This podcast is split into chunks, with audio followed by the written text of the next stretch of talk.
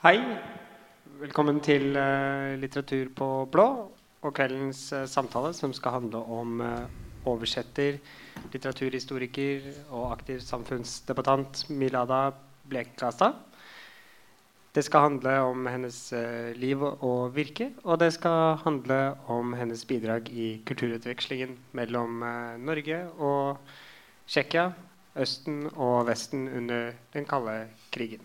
Og sikkert mye, mye mer. Eh, samtalen vil vare i ca. en time, og det vil bli spørsmål i etterkant. Så da gjenstår det bare å si vær så god til panelet, og god fornøyelse til dere. Takk. Uh, ja. Tusen takk, Ola. Eh, jeg tenkte jeg kunne begynne med å presentere panelet og meg selv. Jeg heter Endre Ulsaås og har mastergrad i idéhistorie om Milada Blekastad. Milada Blekastad som litteraturhistoriker. Og panelet i dag det består av Roar Lishaugen, som er førsteamanuensis i tsjekkisk ved UiO, og som har jobbet mye med bok- og lesehistorie. Eh, under, eh, i Tsjekkoslovakia under kommunismen. Eh, og så har vi med oss Karen Gammelgaard, som er professor i tsjekkisk og instituttleder ved ILOS på Universitetet i Oslo. Og til slutt så har vi med oss eh, Tor Blekastad, som er eh, Milana Blekastads eh, nest eldste sønn, og som er eh, kan.mag. med fagene historie, tsjekkisk og tysk. Og han har også jobbet i nesten 50 år på universitetsbiblioteket. Um, uh, I arbeidet med min masteroppgave så fikk jeg inntrykk av at uh, Milada Blekastad var et navn som de fleste kulturinteresserte over en viss alder, uh, la oss si sånn 50-60 kanskje hadde hørt om. Eh, mens blant folk på min alder eh, derimot, så ble hun en ganske ukjent eh, skikkelse. Og derfor er jeg veldig, veldig glad og, over at det er for noen unge ansikter her i dag. Eh, sånn at vi sammen med dette glimrende panelet får muligheten til å opplyse noen, nye hoder om den eh, høyst begavede og interessante, eh, men også litt underlige skikkelsen som Blekastad var. Eh, da Blekastad gikk bort i 2003, kunne hun se tilbake på nesten 70 år lang karriere som oversetter, komeniusforsker, litteraturhistoriker og samfunnsdebattant. Som oversetter oversatte hun et uh, tjuetalls uh, tsjekkiske romaner og skuespill til norsk, i tillegg til flere eventyrsamlinger og tsjekkiske barnebøker. Avhandlingen om Comenius fra 1969 står igjen som et standardverk innenfor Comenius-forskningen og pedagogisk idéhistorie.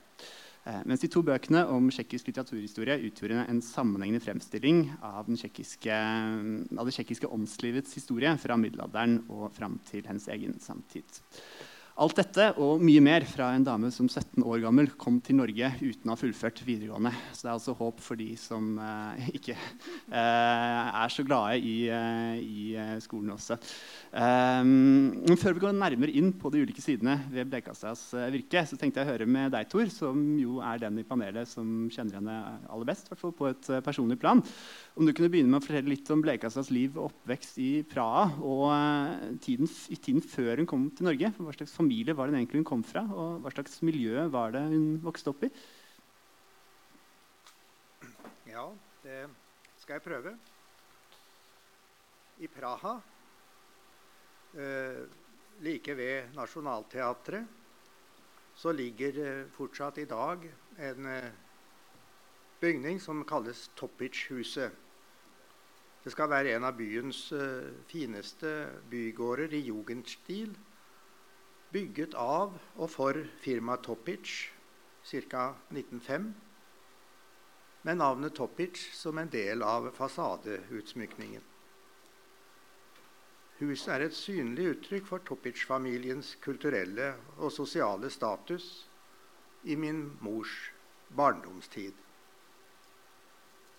Mor ble født i firmaets glansperiode med to generasjoner Topic som aktive eiere. Frantisek og Teresie, mors besteforeldre, som hadde grunnlagt firmaet i 1883.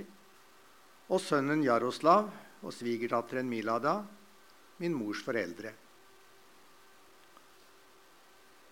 Firmaet Topic omfattet et stort forlag, en internasjonal bokhandel, en egen avdeling for tsjekkisk og utenlandsk kunsthåndverk, og et galleri for bildende kunst. Videre hadde de importen og distribusjonen av franske aviser, bøker og tidsskrifter til Bøhmen og Meren. Dessuten et trykkeri og til og med et eget gartneri som sikret friske blomster i lokalene året rundt. Begge mine mors foreldre var enebarn. Det var også min mor, og hun var dermed enearving til hele stasen. Mor ble født året før Tsjekkoslovakia. Og Topic-familien var bevisst opptatt av å bidra til en god utvikling av den nye republikken. Etter århundrer med fremmedstyre og med en svært stor andel tysktalende i befolkningen. Begge generasjoner bodde i Topic-huset, og skillet mellom jobb og privatliv var nok deretter. Mor beskriver en svært stressende hverdag for så vel foreldre som besteforeldre. Hennes mor var en flittig oversetter av, fra flere språk og hadde stadig minst én bok i arbeid. Hun var også sterkt engasjert i å hjelpe fattige og syke, kjente og ukjente, med penger, ting de trengte, gode råd og dåd. Og folk i vanskeligheter ventet stadig på audiens hos henne. Ved familiens middagsbord, som i Praha betyr midt på dagen, det vi kaller lunsj, var det som regel minst én gjest, gjerne invitert spontant fordi han eller hun hadde et ærend i huset. Fattige studenter fikk et gratis måltid. Kjente folk fra kultur- og forretningslivet og enkelte venner som bare stakk innom fordi de visste at favorittretten deres sto på menyen. Mor navngir svært mange. Kunstnere som ofte levde i trange kår, og andre fra familiens eget samfunnslag. Mennesker med sterke personlige meninger om utviklingen i den unge republikken som språk, kultur, litteratur og politikk i sin alminnelighet. Kort sagt om samfunnet og verdenssituasjonen. Taleføre og frittalende og sikkert meget underholdende også for et oppvakt barn med lange ører. Min mormor ville være en moderne kvinne, og til svigermorens forferdelse ville hun ikke ha egen guvernante til sin datter, slik det da var vanlig i de kretser. Svigermoren hadde selv hatt fransk guvernante til sin ene sønn.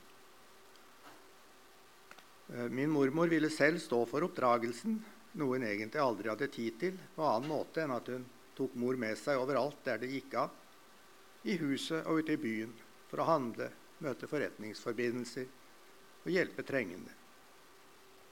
Når de hadde selskaper om kvelden, sto døren til barneværelset åpen, og, og mor holdt seg gjerne våken og lyttet. Etter hvert ble hun nok mer og mer overlatt til seg selv i det store huset.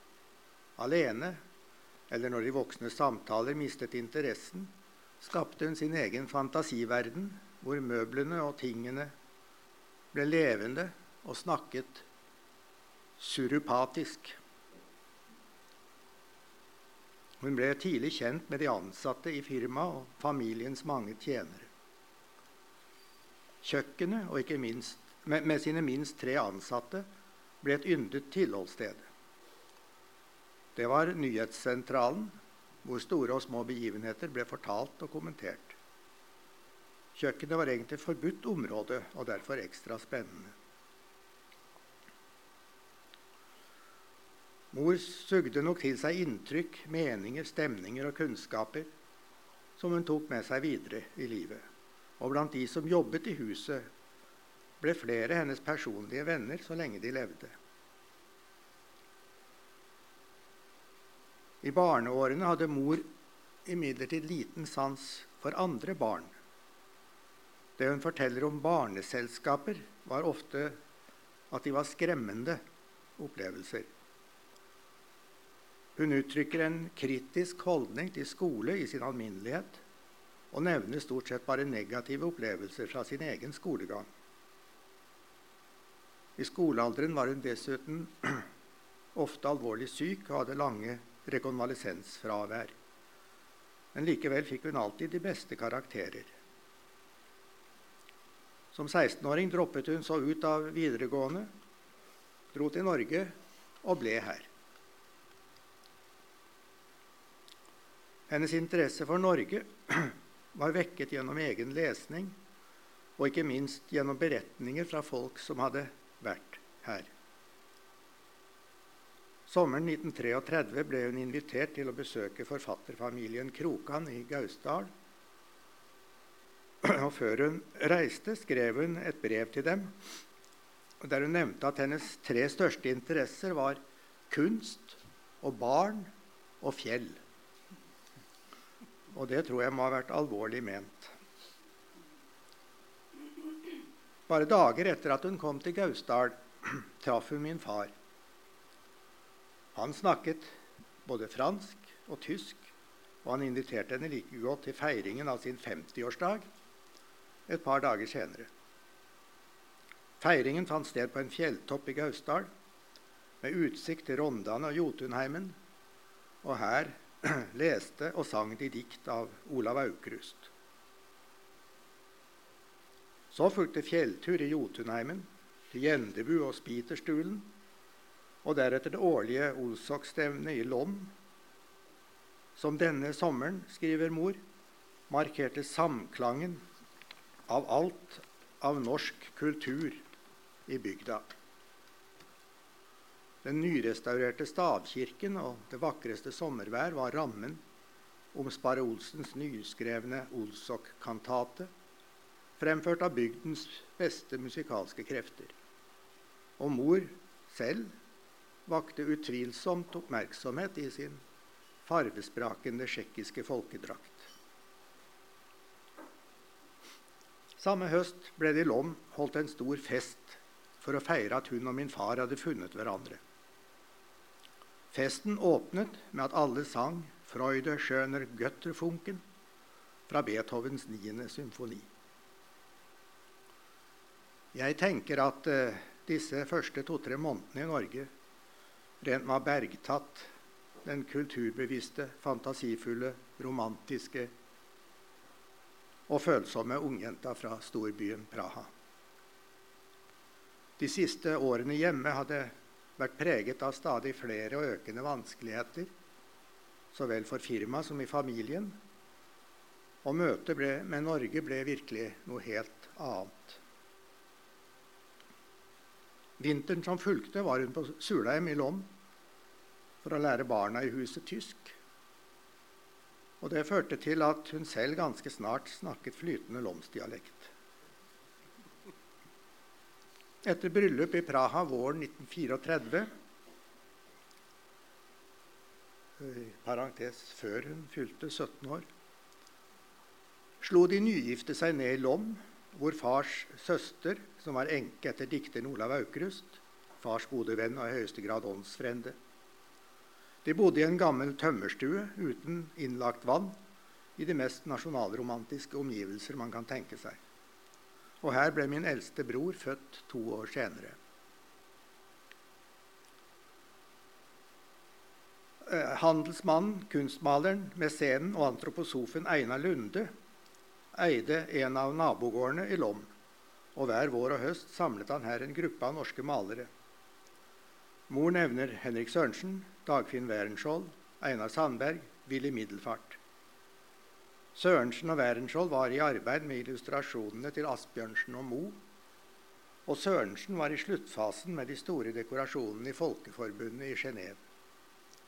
En institusjon som nettopp da viste seg som maktesløs i forhold til, i forhold til utviklingen i Sentral-Europa og truslene mot Tsjekkoslovakia. I Norge derimot var situasjonen langt lysere. I 1937 flyttet familien til Gausdal. De bygget seg hus i Ådensreppen. Der bodde og virket mange som var sterkt opptatt av kultur, kunst, språkspørsmål og utviklingen av det ennå ganske unge, selvstendige Norge. Min fars store familie, ikke minst. Og her ble jeg født, og etter hvert fem søsken til. Da behersket mor også gausdalsdialekten. Hun var i gang med å oversette Krokan og Vesås til tsjekkisk, nå for sin mors nokså nyetablerte forlag i Praha. Firmaet Topic og Topic-huset var solgt, Tsjekkoslovakia annektert av Hitler, og alt og alle var på vei inn i en helt annen tid. Ja. Tusen takk for den uh, veldig fine og uh, personlige innføringen i uh, Milana Blekasas uh, tidlige år. før vi går videre, så tenkte jeg å spørre deg, Karen. Kan, er det mulig å si noe om Topic-familiens liksom, kulturelle status i, i Praha? de hadde i mellomkrigstiden? Ja. Det, det er kanskje Roar som er den som vet mest ja. om akkurat forlag. Men mm. Hvis jeg får lov til å si noe generelt kanskje mm. om det kulturelle klima i mellomkrigstidens Tsjekkoslovakia, som Milada Blikkerstad jo kom fra mm. og representerte på beste vis, øhm, så er det, det er en, en, periode som i tsjekkisk historie går under navnet Den første republikk, øh, og som fortsatt befinner seg på en, en, en, veldig høy prestisje og det er ikke så merkelig, fordi det var øh, et centralt, dem, øh, det var et demokratisk åndehul midt i Centraleuropa, og det havde en virkelig blomstrende kultur. Øhm, øh, det var jo den første periode, hvor tjekkerne hadde sin egen stat, sammen med slovakkerne ganske visst, og et stort tysk mindretall. mindretal, men de hadde slåss for det i mange ti år, og de hadde slåss for det gjennom kultur og gjennom sprog. Øh, og i denne meget livlige og kulturelt sofistikerte sofistikerede kultur, der var selvfølgelig en forlagt familie. Det var nesten kronen på verket, mm. som Roar helt sikkert vet noe mer om. Det, det, er vel, det, er vel, nettopp det at, at, um, at, uh, ja, at, forleggerne hadde spilt en så, en så viktig rolle. Um, og Topic-familien var jo kanskje én Det var kanskje to, to, forlagsfamilier som hadde denne helt stjernestatusen i, i på denne tiden. Og det var Topic, og det var Otto. Eh, og eh, dette var virkelig noe særlig bedre enn dette kunne det jo da ikke bli. Og de, de, de utga jo da eh, alle mulige typer bøker, som, som Thor nevnte. Og det som er også kanskje viktig å tenke på, det er at særlig Topic også utga det de kalte folkeutgaver. Altså Det var viktig å få eh, litteraturen ut til de som også ikke hadde så mye penger, slik at trykk og, og billigutgave for folket, men som allikevel ofte kunne være illustrert av de fremste tsjekkiske kunstnerne, som jo da han hadde personlige kontakter med, det ble, det ble en sånn viktig, en viktig ting for, for, eh, for, forlaget, i tillegg til de da mer ut, eksklusive utgivelsene. Og det var nettopp dette her å bringe eh, det som Karen var inne på her, dette med, dette med språk er jo forferdelig viktig. dette med at det er åndslivet og språket som på en måte er Hva skal vi si eh, Slagmarken, eller det er, der, det er der slagene i tsjekkisk kultur på en måte utspiller seg. Og dette å oversette litteratur, få den utgitt, få den ut og at det å oversette i seg selv er noe som foredler språket, er jo en sånn sentral tanke som, som, drev um, Så det, det, lå rett og slett i blodet fra barne, barndommen? Altså det, den oversettelsestrangen? Det, tror jeg, det tror jeg, ja. tror jeg i hvert fall helt sikkert har vært en viktig oppgave for disse forleggerne. Det går veldig langt tilbake, dette med at man foredler språket gjennom oversettelse. Mm. Og så var det en serie som het um, Topic hvite bøker. var det ikke det? Som, hvor det var en del norske det var en serie med oversatt utenlandsk litteratur, og der var det en del norske titler også? Det var det absolutt. Og, og, og ikke minst de som Thor allerede nevnte, som, som Milada Blekastad oversatte. altså En bok av, av Vesaas og av Inger Krokan. Men der finner vi også Ronald Fangen, Johan Falkberget, Olav Duun, Kristoffer Uppdal, hvis noen husker hvem han var lenger, osv. Men, men det å oversette var altså viktig. Og det er også viktig å si kanskje. Det har jo også sikkert noe med eh, Miladas eh, forhold til Norden å gjøre. altså eh, Norge kanskje spesielt, men Skandinavia og Norden får en veldig sånn eh, tydelig posisjon i tsjekkisk bevissthet fra 1800-tallet av. Mm. Nettopp fordi at man går så tydelig inn på å oversette da, de, store, de, store, mm. de store nordiske forfatterne.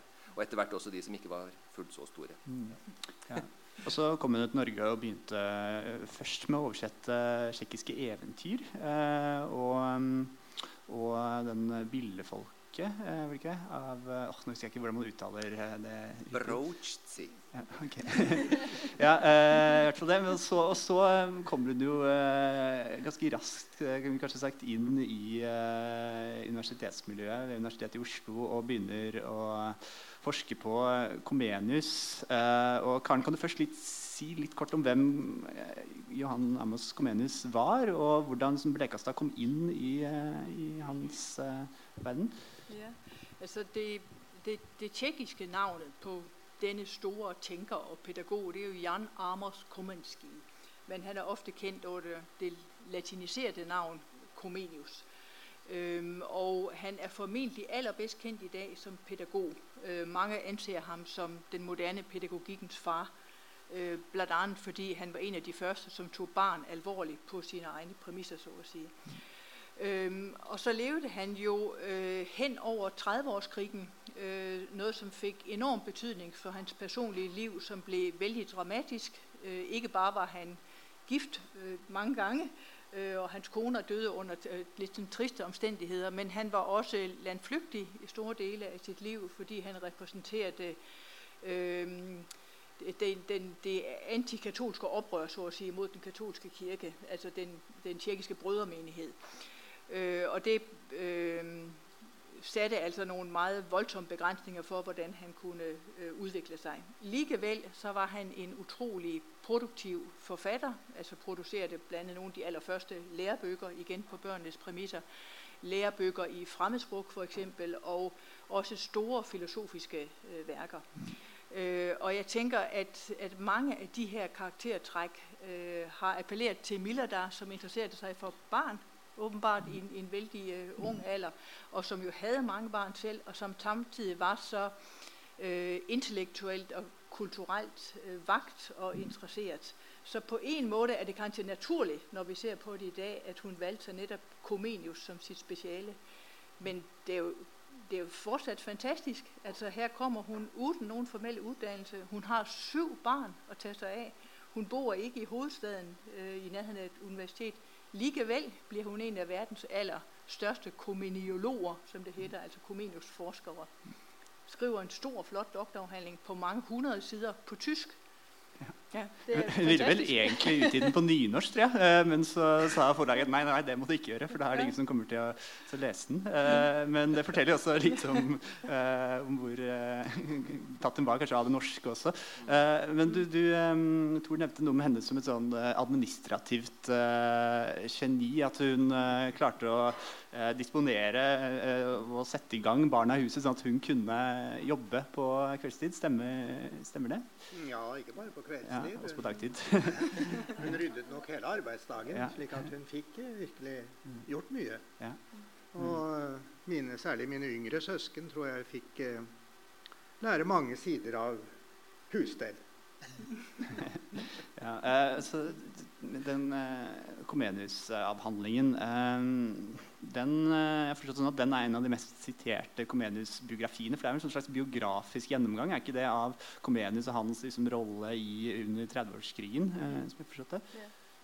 Ja, og ikke bare i 30-årskrigen, men jo simpelthen hans, hans liv. Mm. Eh, og som vi sikkert skal snakke om litt senere, så var hun jo veldig flink til å flette liv og verk sammen. Øh, og jeg tror vel, men det, det, det, er faktisk noe jeg har tenkt litt på de seneste par dagene, at øh, en av grunnene til at hun nettopp var så interessert i Comenius, det kan jo også ha vært en følelse av en viss form for sådan skjebnefællesskap. Øh, fordi da hun jobbet med Comenius, da var hendes land jo overtaget av en ny totalitarisme. Ikke nazismen denne gang, men stalinismen, kommunismen. Øh, og hun var på en måte en landflygtig på samme måte som Comenius.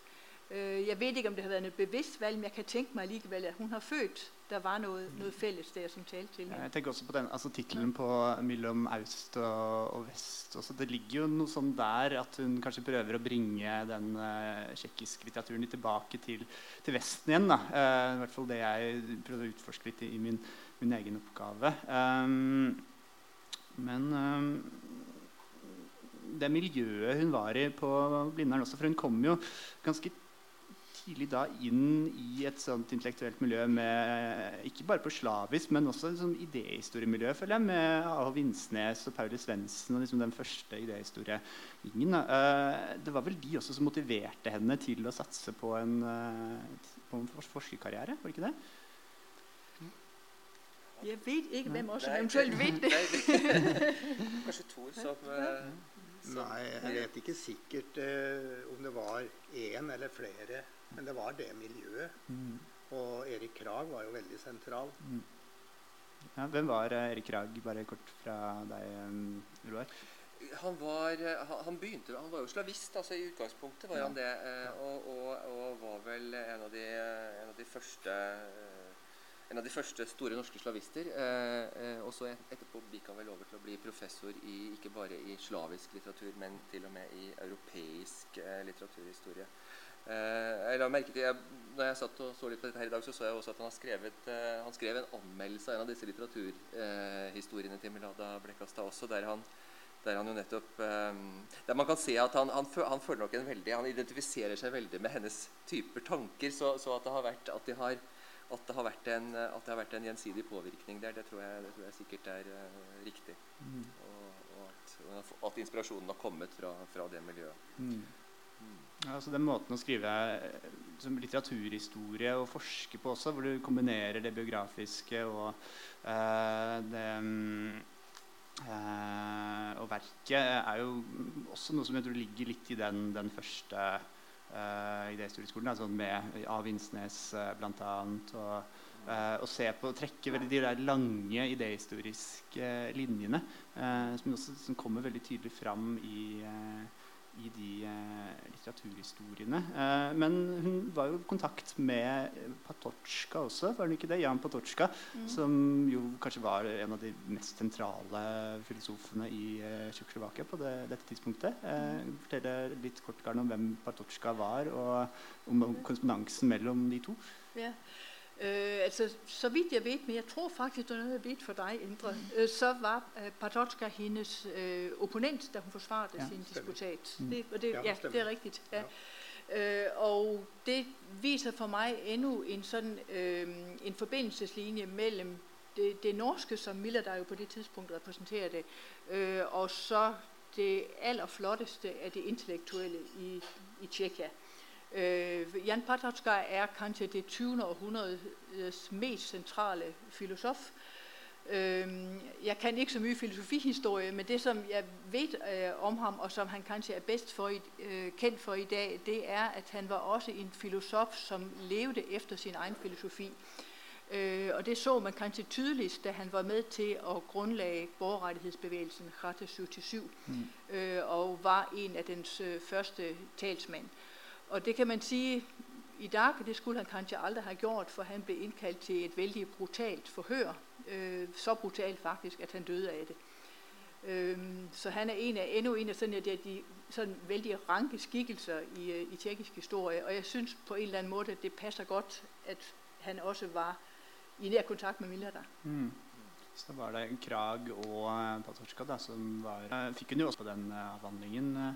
Uh, tror jeg. Og så uh, fikk hun jo også en jobb som, uh, som foreleser i 57, tror jeg. Og det, det munte ut i to litteraturhistorier. mellom Aust og Vest, som kom i 1958. Og mellom bork og Ved, som kom 20 år senere.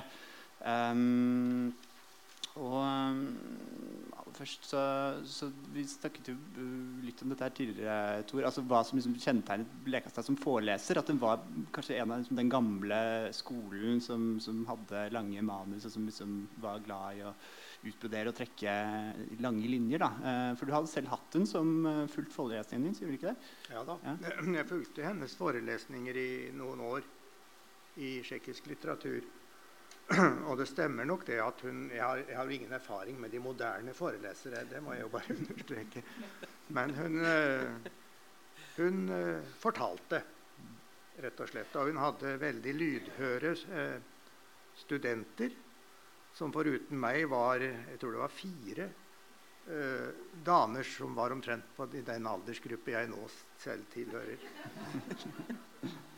To, to, mer enn det det er i dag, fikk jeg høre. at det er kanskje gjennomsnittsalderen er litt yngre i dag. Det er den nok, da. Ja. Uh, nei, men altså, hva slags uh, bøker er uh, egentlig dette? For det er jo, det er jo et sammendrag av, en sammenfatning av forelesningen hennes. Men, men hvis vi skal kanskje sammenligne med andre tsjekkiske litteraturhistorieverk som ble skrevet på det tidspunktet, og kanskje tidligere også. Sånn, hvordan, hva som er det som kjennetegnes hennes måte å skrive tsjekkisk litteraturhistorie på da, i en sånn tsjekkisk kontekst? Så, ja, skal jeg prøve å si noe om det? det? Jeg tenker at Det er jo flere ting ved måten hun skriver på som også er tsjekkisk. Altså, det er ikke helt uvanlig at de litt eldre tsjekkiske litteraturhistoriene også har med seg liksom familieforhold. Jeg husker veldig godt fra jeg selv studerte i Praha, og vi hadde referat, som det heter på tsjekkisk. Altså at man kommer til timen og har forberedt noe om en forfatter. Og da begynte man alltid med 'født der og der', eh, 'sønn av en kusk'. Og, altså, altså man hadde, og, så det det, det mm. det å sette det å på en måte gi forfatterne en sånn familiebakgrunn er nok ganske vanlig, men det er jo mer tendenser i litteratur, litteraturhistorieskrivningen. ikke sant? Så, så det, det, er kanskje det ene at hun kan ha, at det kan nok være paralleller mellom måten hun forteller den, forteller den på, og, og måter tsjekkiske litteraturhistorier er skrevet på. Kanskje de som var de Milada hadde et forhold til, eh, om det nå var eh, den berømmelige Arne Novak, som på en måte er en sånn stor eh, litteraturhistoriker på, på, på 1900-tallet første halvdel av 1900-tallet.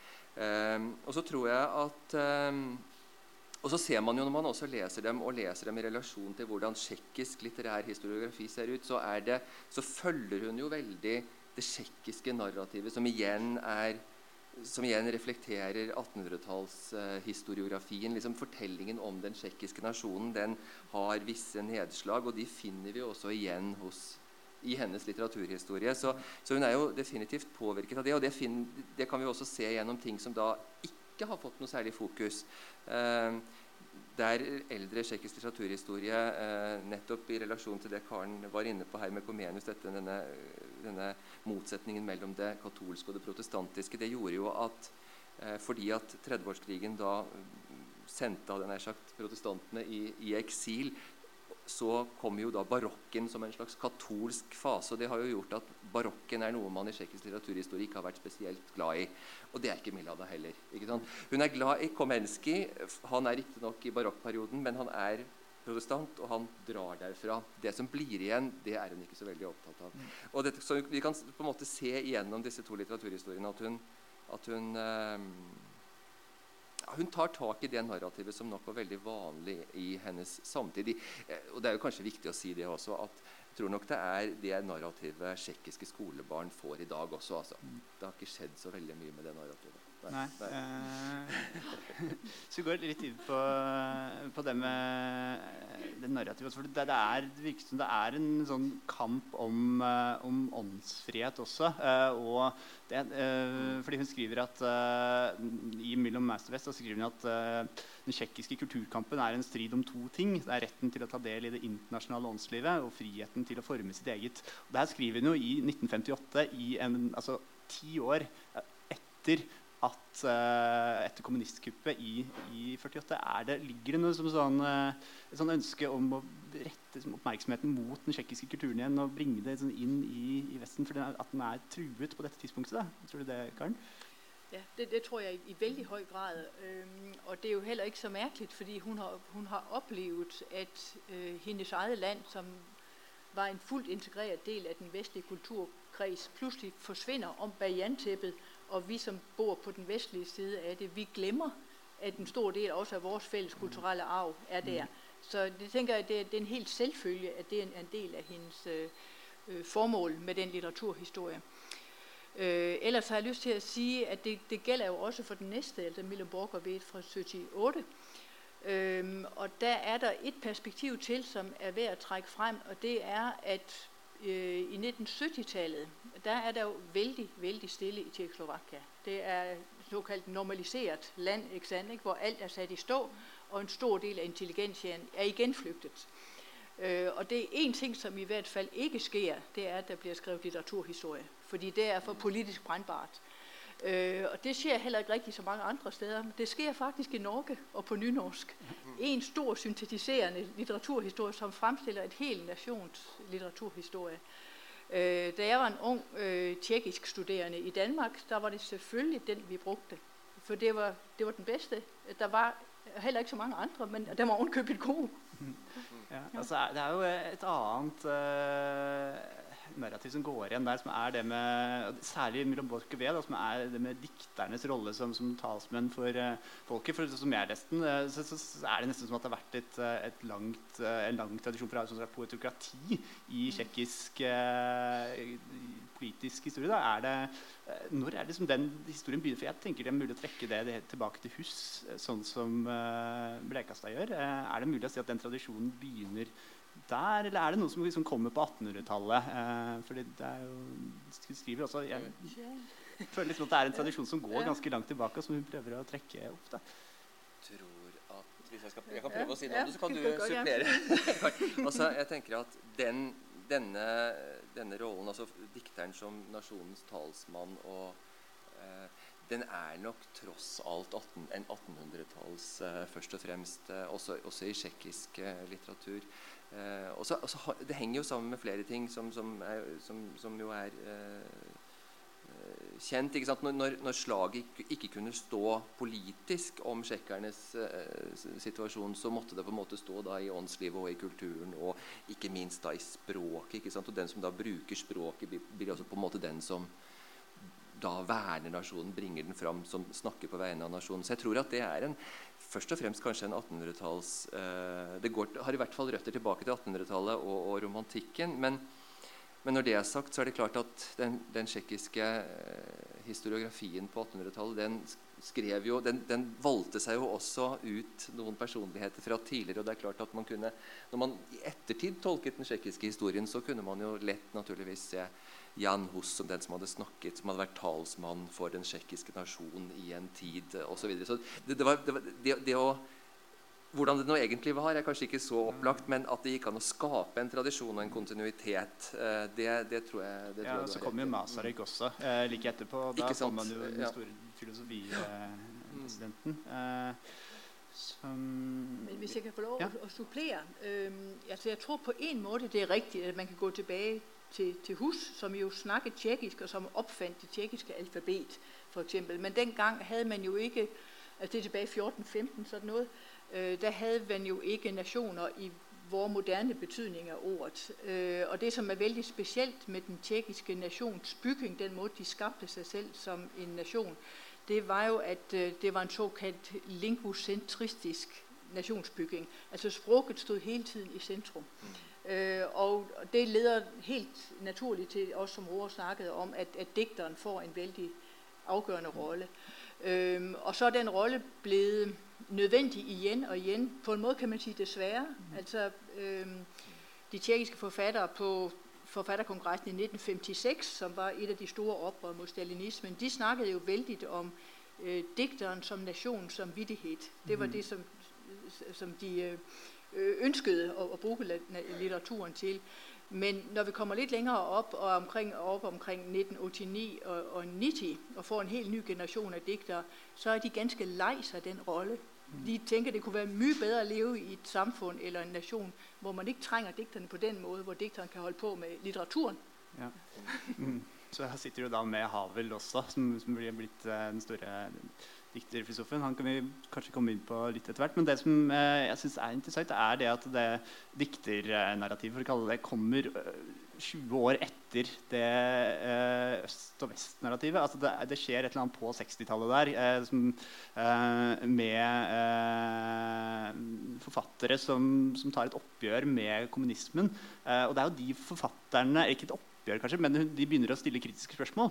Eh, og det er jo de forfatterne hun eh, oversetter eh, også. altså Ludvig eh, Vatsulvik og Milan nei, Kondra etter hvert. Og så Ivan Klima. I 1968 så oversetter hun jo en bok av eh, Vatsulik, altså 'Øksa', og eh, 'En times taushet' av eh, Klima. Og begge de to kom jo rett etter etter eh, hendelsene i Praha i 1968. Eh, jeg synes det er liksom interessant at det kommer da en, eh, At det bringer dikterne fram igjen i, eh, i litteraturhistorien sin og gjør det som, som et hovednarrativ da, 20 eh, år senere. Eh, men til, tilbake til de dikterne og Uh, og hennes rolle som under uh, Pravåren um,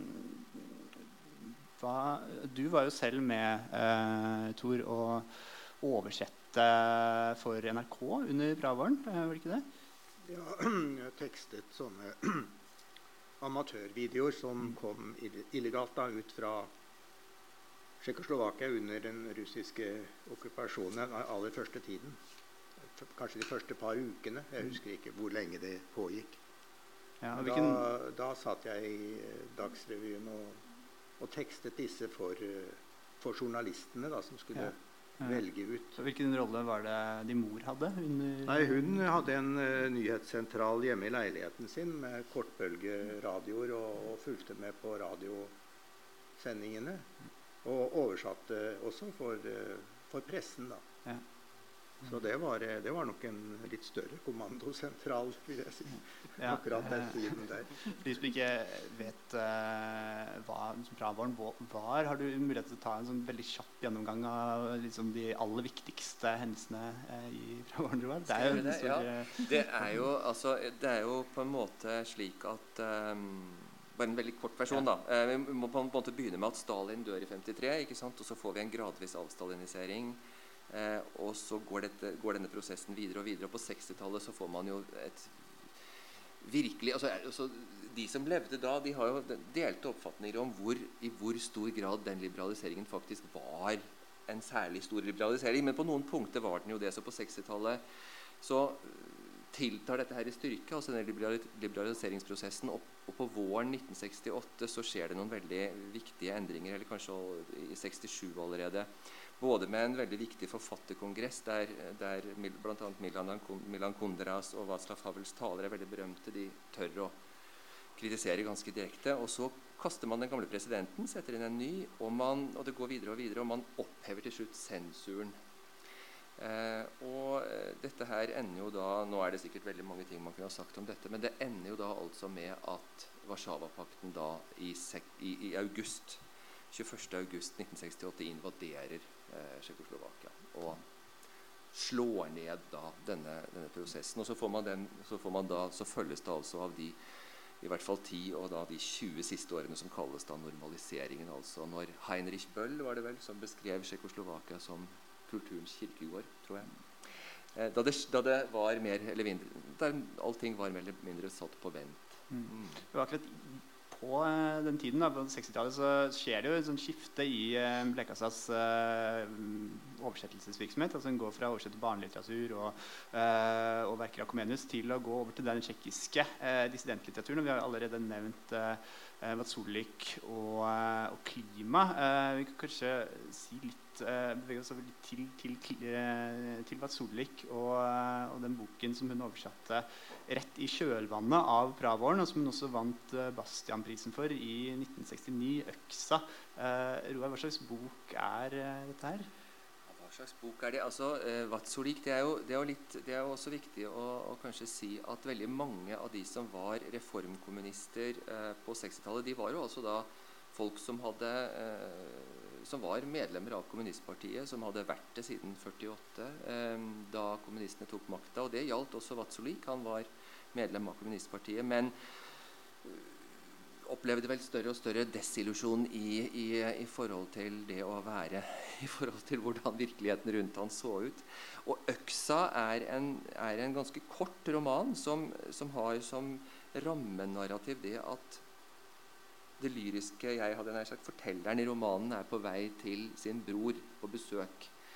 Og når han reiser da til sin bror på besøk, så får vi på en måte rullet opp igjen hele hans liv. Barndommen, faren, moren og forholdet til disse her. Og ikke minst da til hans eget forhold til kommunismen, og hvordan den da på en måte har skuffet han, sviktet han, og hvordan han på en måte ser, ser at dette her er noe han da ikke lenger kan stå inne for. og, og, og en, en desillusjon. Altså det er en slags analyse av en persons eh, hvordan, hvordan, en person på en måte kommer til innsikt om hva kommunismen nå faktisk egentlig er. Mm. Og det var, jo også en person som, uh, som Leksa hadde ganske mye kontakt med. Eh, var ikke det? Vatsolik, Solvik det var en, kanskje hennes næreste tsjekkiske venn? Ikke det, Karen? Mm. Ja, det tror jeg godt man kan si, men det er mulig du kan korrigere meg. Men det er i hvert fall ikke noen tvil om at det var et veldig nært øh, vennskap med hele familien Vatulik, som jo den dag i dag bor i en av Topic-familiens gamle huse. Ikke sant? Ja. Uh, som så vidt jeg har lest meg til hos Vatsulik selv, øh, de nærmest fikk foræret øh, skal ha spurt dem om de ikke hadde lyst til å kjøpe det hus som de allerede lånte litt av henne til, til, å bo i. Og så sa Vatsulik jamen vi vi det vil vi gjerne, men vi har ingen penger. Og Milla der sa det gjør ikke noe, det er greit. Det stemmer. Og så går hun jo videre da og oversetter eh, Hun oversetter Kondra, og hun oversetter Havel. Eh, hvilke av disse var det hun hadde kontakt med, eh, Karen? Eh, mest var vel Jeg hørte at hun hadde litt kontakt med Havel. Stemmer det? Ja, altså jeg, jeg, tror hun hadde kontakt med de sentrale personer i den tsjekkiske la oss kalle det dissidentlitteratur. Øh, det er viktig å huske på at på det her tidspunkt her er vi oppe på 1980-tallet, ikke sant? Øh, at der er der på en måte tre slags øh, tjekkisk litteratur. Der er selvfølgelig den som blir skrevet i Tjekkoslovakia, og som kommer på de offisielle forlag. Det er litteratur som stort sett er glemt i dag. Så er der den litteratur som blir skrevet uoffisielt hjemme, og som utkommer som såkalt samistat, Altså det vil si at man sitter og skriver hverandres øh, romaner av. Der var Vatulik utrolig øh, central, og hans undergrundsforlag eller hva man skal kalle det, øh, det utgav gjennom årene opp mot 400 titler. Ja, Edice af, af samtidig... var det det? Hvad siger du? Edice Petlice. Edice Petlice, ja. altså vi kan kalle det kanskje forlaget under hengelåsen, mm. eller hengelåsforlaget, mm. øh, som selvfølgelig spiller på, på sensuren og vanskeligheten med å utkomme offisielt.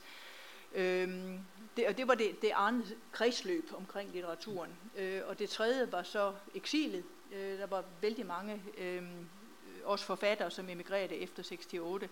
Og noen av dem grunnlagde forlag i utlandet. Det største lå i Canada, faktisk.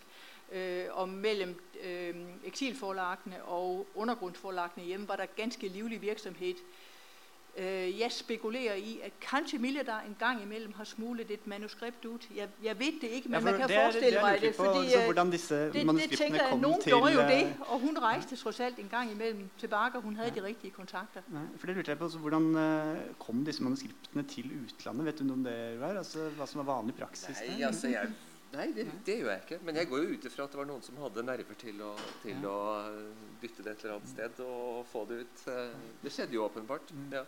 Ja, eh, nesten kunne tro at Blekastad hadde en sentral rolle der når hun var uh, såpass uh, aktiv i oversettelsen av som forfattere som, mm. som Vassuluk og, og Klima. Altså, Vassuluk var jo to ganger i Norge tror jeg, på nesten bare et år rundt Pravåren etter at han vant den at vant, hun vant Bastian-prisen for, for, oversettelsen.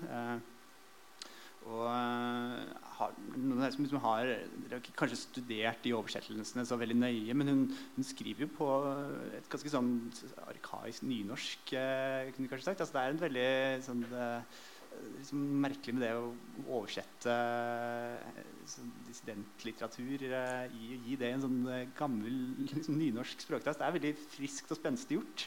Synes jeg. Da. Ja, jeg tenker at det, det var, jeg tenkte at det var interessant det som Thor sa, det her med at hun snakket Først så tok hun til seg Lom-dialekten, og så gikk hun over til Gausdalsdialekt etterpå. og Det kan vel hende at den der veldige følelsen for, for Gudbrandsdalsmålet da, fordi at jeg også tenker jo at Det er, og det gjelder jo disse litteraturhistoriene også, det er jo skrevet på nynorsk, men det er jo liksom ikke hvilket nynorsk som helst. Det er liksom det er sol i å, å være i. liksom. Det er ikke noe, det er ikke noe småtteri. Eh, så nei, det er Tydeligvis, hun hadde åpenbart, men det, vet, det kan sikkert du si noe om, Tor. Hva slags ja. forhold hun hadde til nynorsk og bokmål? Liksom, altså. Min far var en uh, helt uh, Ja, hva skal jeg si? Ihuga er ikke sterkt nok. Uh, tilhenger av Aasens målform. Ja. I likhet med f.eks. dikteren Olav Aukrust. og jeg vet ikke om det er riktig, men jeg tenker iallfall at uh, med mors bakgrunn fra det miljøet i Tsjekkoslovakia som hadde det tsjekkiske språket som, som liksom en sånn bærebjelke At hun da møtte noen av de samme synspunktene. Uh, og at hun ble fascinert av det. At det var noe av fascinasjonen ved, rett og slett ved Norge, og ved far kanskje også, for alt det jeg vet. Og at hun var veldig lojal mot det eh, lenge etter at hun kanskje innså at eh, det var litt på vei ut. da. Men eh, så lenge far levde, så tror jeg hun holdt seg stort sett til det. Og noe av dette er vel kommet ut også etter at han døde. Hun skrev vel eh, mye av det litt mer sånn samfunnskritiske hun skrev. da, og de, litt sånn Uh, artikler i Samtiden og uh, også de, det hun skrev uh, om Havel. Det var vel mest på bokmål, tror jeg. men så er det liksom noen tekster som er på, på nynorsk, som mye av det Comenius-arbeidet. og så er det de to uh, litteraturhistoriene, selvsagt. Uh, og så er det Vatsulik. Og Vatsulik er vel også en sånn som jeg har forstått han, nå har ikke jeg lest han på sjekket, men det er en forfatter som har en sånn veldig sånn sterk dialekt. det, det var litt sånn, det sånn kortslutning i stad, for nå, det, det, burde jeg jo ha sagt. altså Noe av grunnen til altså, det at hun oversetter den til nynorsk, er, det er jo et godt valg. Eh, Vatsolik er fra et veldig tradisjonelt, tradisjonsbundet område i Øst-Tsjekkia som heter Valasjsko. Og boken er full av dialekt. ikke sant? Eh, de synger på dialekt, og det foregår på landsbygda i Så, så er, det, er, det, en bok som skulle oversettes til nynorsk, så er det jo definitivt 'Øksa' av Vatsolik. Mm. Vet du noe om hvordan de bøkene ble mottatt i Norge? Eh, altså Hvordan de ble anmeldt? Som, det var mange som leste de. Eh, vet du noe om det, Tor? Eh, ja, den gangen ble jo bøker anmeldt.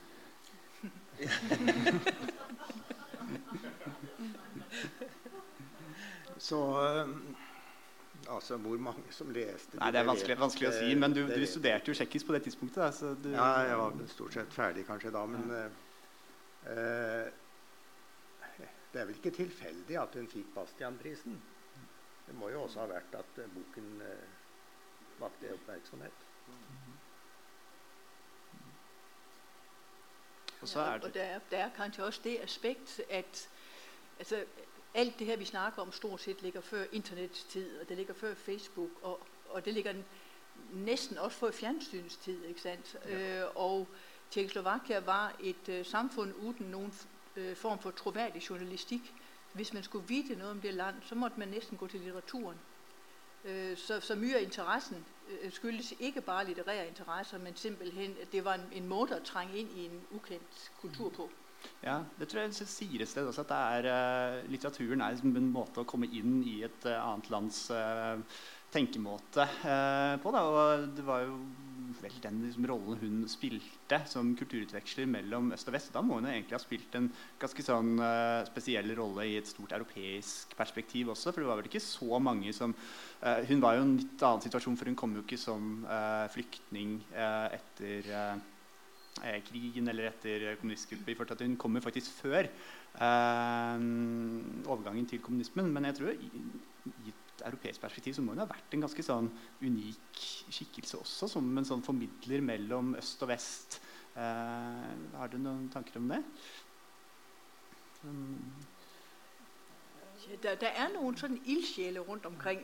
Uh, men når du spør så kan jeg ikke på stående fot komme i tanker om noen med, med samme øh, format. Øh, det er klart, der sitter noen oversettere rundt omkring, og der sitter noen komediusforskere rundt omkring, og der sitter noen sånn kanskje kulturformidlere. Men her har vi en som er det hele.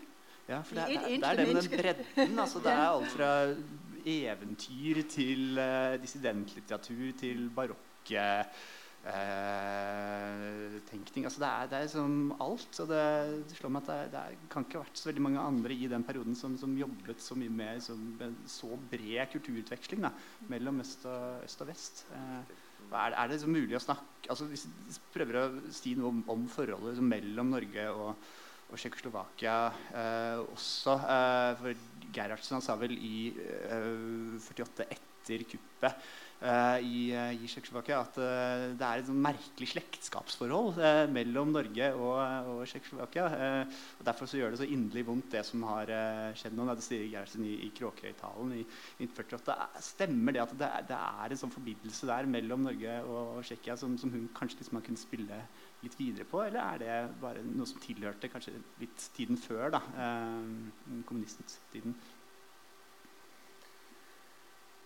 Altså det, det, er et, det er vel et fellesskap. Jeg ser jo, jeg ser jo på eh, som, Jeg satt og leste bare på disse her eh, smusspinnene til disse to litteraturhistoriene i dag. Og det er jo tydelig at, at, at, eh, at, forlagene forsøker i hvert fall å konstruere det fellesskapet. De vil jo naturligvis at disse bøkene skal selges også. Men, men, det, er, men det, er, jo ingen tvil om altså Hvis man kan snakke om eh, skjebnen til små nasjoner ikke sant? Jeg tror, altså det, er, det er jo et eller annet her med ja, eh, kanskje, kanskje en, en, en, felles historie, det å på en måte ha vært en del av et annet land, det å på en måte ha måttet kjempet for tilværelsen i en eller annen forstand. Altså, det kan jo hende at det, det er jo liksom en helt sånn åpenbar parallell, men det, men det, kan jo kanskje hende at det ligger andre ting begravet der også, uten at jeg heller sånn umiddelbart ser noe jeg Jeg vet ikke.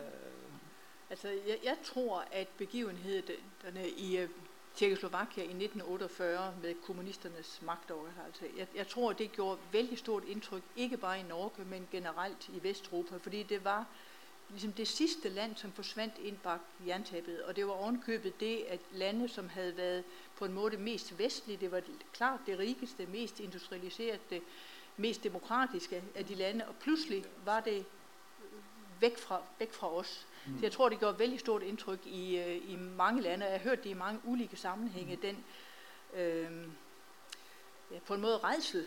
Øh, det kunne skje med dem, kanskje kan det også skje med oss.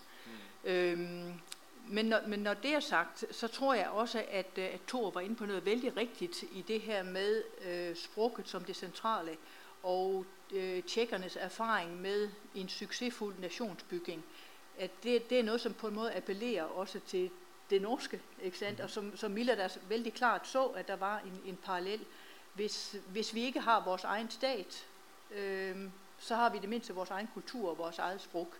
Mm, ja, og Det slår meg går veldig igjen i, i, i litteraturstudien. Altså at det er en sånn kampen for, for den tsjekkiske kulturen eh, og, og, språket eh, som går igjen. og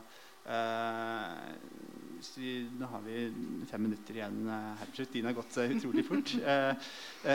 men det som at hun er der også for å gå litt, sånn, sånn, si litt om det politiske til slutt, da, Hun er der i de periodene hvor det brenner mest. Altså I 1968 så var hun jo aktiv med å oversette um, Vasulik og klima. Og så har hun vært aktiv under, med oversettet på Torska under Charta 77-bevegelsen bevegelsen. Og så var hun jo også sentral i formidlingen av Havel. Og det er kanskje de to siste tingene vi ikke har fått snakket så veldig mye om nå. Det er kanskje Havel viktigst. Hva slags forbindelse var det hun hadde til, til, Havel? Og, og hva hadde hun å si for, for spredningen av Havels tanker i Norge? har du noe å si om det til slutt, Karen?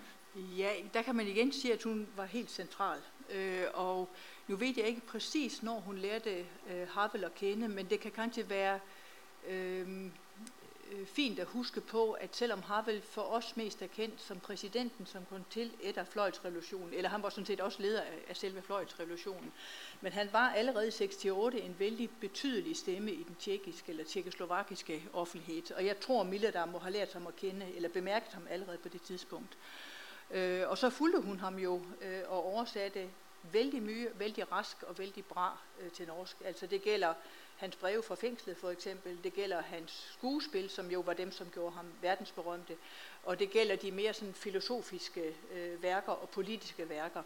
Øh, både øh, dem som kom før 89 og dem som kom øh, rett etter. Og hun skrev glimrende forord øh, og noter også til hans, til hans skuespill. Mm. Så den forbindelse var der. og Øh, for å trekke sådan en litt stor øh, sløjfe, så tror jeg kanskje også, at øh, der gjenkendte sin egen bakgrunn i Havel. Fordi han kom fra en tilsvarende kulturbærende familie, som hadde vært sentral i øh, den tjekkiske dannede offentlighet i, i flere generasjoner. Altså det var Øhm, det var mer kanskje film og, øh, og teater hans familie stod for, men, men samme sånn gennemkultiverede og sofistikerede øh, kulturelle bakgrunn. Mm. Så på tvers av generasjoner er det et sterkt fellestrekk. Ja, absolutt. Og det som er liksom bredden i ulike eh, sjangre hun formidler. Altså, det er etterord og forord eh, til utgivelsene. Og så det, skriver hun også i samtiden og i, eh, i tidsskrifter og i aviser også. Så hun er som, eh, virkelig opptatt av å få spredd den til i så mange medier så, som, som mulig. Det, ja, jeg vil jo tro at hun faktisk hadde veldig mye å si for, for formidlingen av ham i, i Norge i opptakten til, uh, til fløyelsrevolusjonen. Hun ble vel også uh, tildelt den tsjekkiske fortjenelsesmedaljen tror jeg, eh, av Havel, faktisk, etter uh, fløyelsrevolusjonen. Altså Fløyelsrevolusjonen er jo da uh, muren Ikke muren, men uh, Tsjekkoslovakia rev seg løs fra kommunismen. Um, 20 år siden i, i år. Så ja, Mjølkastad var der liksom på alle de, i alle de liksom politiske eh, brennårene da, hvor, det, hvor det brant mest. Og det viser jo liksom om den bredden hun hadde også. At hun var oversetter, hun var litteraturhistoriker, hun var samfunnsdebattant. Og, og sånn helt til slutt så, så tenkte jeg da å spørre dere om det, liksom, om det er mulig Kanskje et åpenbart spørsmål, men er det liksom mulig å snakke om et uh, før og etter uh, Blekastad i, uh, i norsk Forbindelsen mellom Norge og Tsjekkoslovakia, og i norsk slavistikk også, kanskje. Er, hva har den liksom sånn betydd for spredningen av tsjekkisk kultur og litteratur i Norge? Kan begynne du, uh, Skal jeg begynne? Jeg, jeg, hun har jo vært helt Hun har åpenbart spilt en helt, helt sentral rolle. Det som var før hun begynte, det var jo ikke veldig mye. Uh, det, ble jo, det, ble jo, tydelig når Karen lagde en, en, en bibliografi over den skjønnlitteraturen som er oversatt fra tsjekkisk til, til norsk, så er det jo da, det begynner for ganske lenge siden, men det er ikke veldig mye før, før Milada kommer. Uh, så hun har åpenbart vært helt, uh, helt, helt sentral. Og så er det vel noe etter, etter Milada så er det vel litt Nå er det vel egentlig nå er det vel slike som Karen og meg som, som, som burde ta på oss den rollen. Det er vi som sitter der oppe på Blindern og forsøker å, å, å forvalte det tsjekkiske i Norge. Det er jo litt slik at I møte med tsjekkiske kollegaer så har de litt de opplever jeg at av og til kan ha liten forståelse for at jeg er interessert i å forske på andre ting. De syns nok egentlig at når du sitter på Universitetet i Oslo og underviser i tsjekkisk, da skal du også oversette litteratur og skrive i avisen. Og det hele tiden. Så at nordmenn vet hva som foregår. Det er på en måte bohemisters oppgave, opplever jeg. Og det er klart, sånn sett så føler jeg vel at jeg har sviktet litt. Altså. Hva tenker du, Karl? Øh, jeg har nesten lyst til å sitere deg selv. Ja. Øh, fordi jeg, jeg, fant et sitat av henne hvor hun snakker øh, om hvordan hun opplevde egentlig fløjelsrevolutionen for rett præcis 30 øh, år Ja. siden. Og den sier nemlig også litt om hvordan hun øh, fungerte som person. Øh, og i min øh, litt sånn raske oversettelse der øh, lyder det øh, noenlunde slik ut. Jeg citerer fra Milladars brev fra den 3. desember 1989.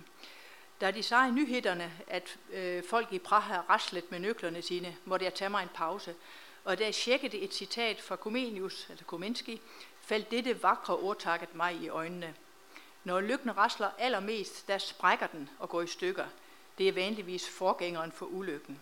Og det var et citat fra øh, Komenskis Centrum Securiatis.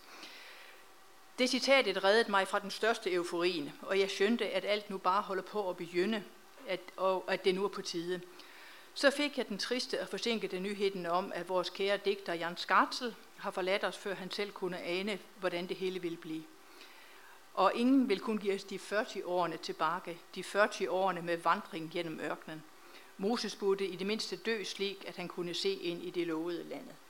Slutt på sitatet. Og jeg syns at det sitat øh, det viser veldig godt at vel var det en, en fantastisk øh, gjerning hun, hun, gjorde, og hun la virkelig altså, grunnen for tsjekkisk-studiene, øh, og, og, mer enn det øh, i, i, Norge.